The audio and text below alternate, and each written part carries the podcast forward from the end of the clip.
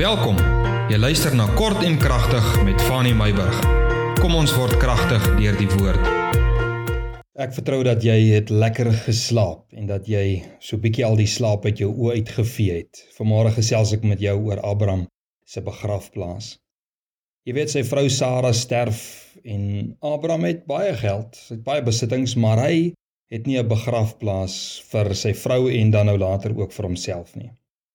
Nou op daardie stadium toe bly hy in die land van die Hetiete en hy vra vir hulle of hy nie 'n stuk grond by hulle kan koop waar hy sy dooie kan begrawe nie. Sy vrou kan begrawe nie. Die grond wat Abraham na kyk behoort spesifiek aan 'n persoon met die naam van Efron en uh, dit lyk vir my hy voel redelik geëerd uh, seker maar in 'n mate dat hierdie godsman by hom 'n stuk grond wil koop as 'n begrafplaas. En hy sê nee Abraham, Weet jy ek het soveel respek vir jou. Jy kan die grond verniet kry. Dit is 400 sikkel silwer werd, maar jy kan dit verniet kry. Abraham sê nee nee nee nee nee.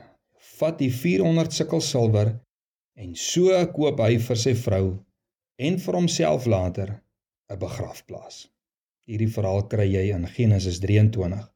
Nou daar is een ding wat vir Abraham soos 'n paal bo water gestaan het. En dit is dat God hom sal seën. Nie mense nie. Dit was Abraham se belofte van God en Abraham se getuienis regdeur sy lewe. Toe die koning van Sodom, onthou julle, toe die koning van Sodom op 'n stadium Abraham wil seën met besittings uit die oorlog, toe sê hy, Abraham, hy sê nee, dankie. God het gesê hy sal my ryk maak en God se eer deel ek met niemand nie. Ek sal nie toelaat dat 'n heidense koning kan sê: "sien jy die godsman Abraham?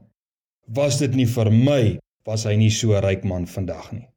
So staan Abraham voor dieselfde begrip oor hierdie begrafplaas. Ek gesels ons vanmôre met jou oor Abraham se begrafplaas. Hy verstaan Salomo se begrip van die seun van die Here maak ryk en moeitevolle arbeid voeg daar niks by nie. Jy weet die mens se hart is verleidelik en omkoopbaar en veranderlik. Ons weet dit mos. Abraham wil ook nie toelaat dat hierdie stuk verniet grond 'n vorm van manipulasie word in sy nageslag omdat die nageslag se voorouers daar begrawe lê nie. So asof dit 'n juk gaan word in die toekoms of dat die nageslag onvrymoedigheid gaan ontwikkel of onvrymoedigheid onder die nageslagte dan sal ontwikkel omdat daar gesê word ek het of my voorouers het hierdie stuk grond vir jou voorouers geskenk nie. Kind van die Here God se bedoeling en gedagtes oor jou en oor my is goeie gedagtes. God wil jou seën. Hoekom? Want jy is sy kind Moenie en hier is 'n bietjie van 'n waarskuwing.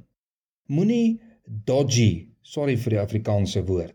Moenie dodgy deals en oormatige skuld aangaan omdat jy hastig is om geseend te wees of geseend voor te kom of geseend te lewe nie. Doen transaksies volgens die boek, hoofletterboek en kleinletterboek volgens die wet. Doen transaksies op die regte manier op 'n eerbare manier en vertrou die Here om jou te seën in dit wat jy moet hê in hierdie materiële lewe. Moenie die boek vryspring nie. Genesis 24 vers 1 daar sê Abraham en daar sien ek Abraham het oud geword en die Here het hom in alles geseën. Wie wat sê dit vir my? Dit sê vir my God het sy woord gestand gedoen teenoor Abraham. Hoeveel te meer nie so teenoor jou en teenoor my nie. Ek wil vandag vir jou sê dat as God dan 'n belofte gegee dat die Here jou sal seën, kom ons vat die Here op sy woord. Want elke keer wanneer ek en jy van Abraham lees, lees ons van die seën waarmee Abraham geseën was. Hoekom? Want die Here het vir hom al in Genesis 12 gesê toe hy hom geroep het uit sy ouer huis het die Here al vir hom gesê Abraham ek sal jou seën en op die pad langs het daar ehm um, hoe kan ek sê daar uitnodigings gekom om te sê ek gaan jou help om seën te word, het die koning vir hom gesê, om geseën te wees en om geseën te word. Toe sê hy nee, ek soek dit nie. Hierso wil iemand vir hom 'n stuk grond gee, 'n stuk land gee met bome en alles. Hy sê nee, dankie. Hoekom?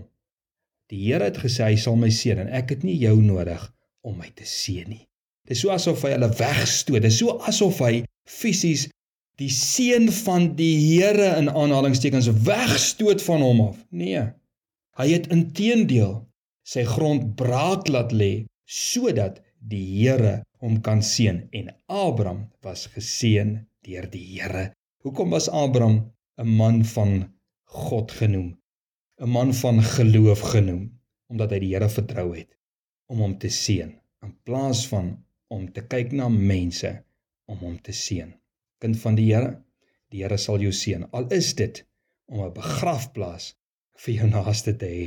Mag die Here jou seën in hierdie dag wat voorlê. Môre wil ek met jou gesels Dit is van die Here. Nog steeds 'n verhaal uit Abraham se nageslag se lewe hierdie keer.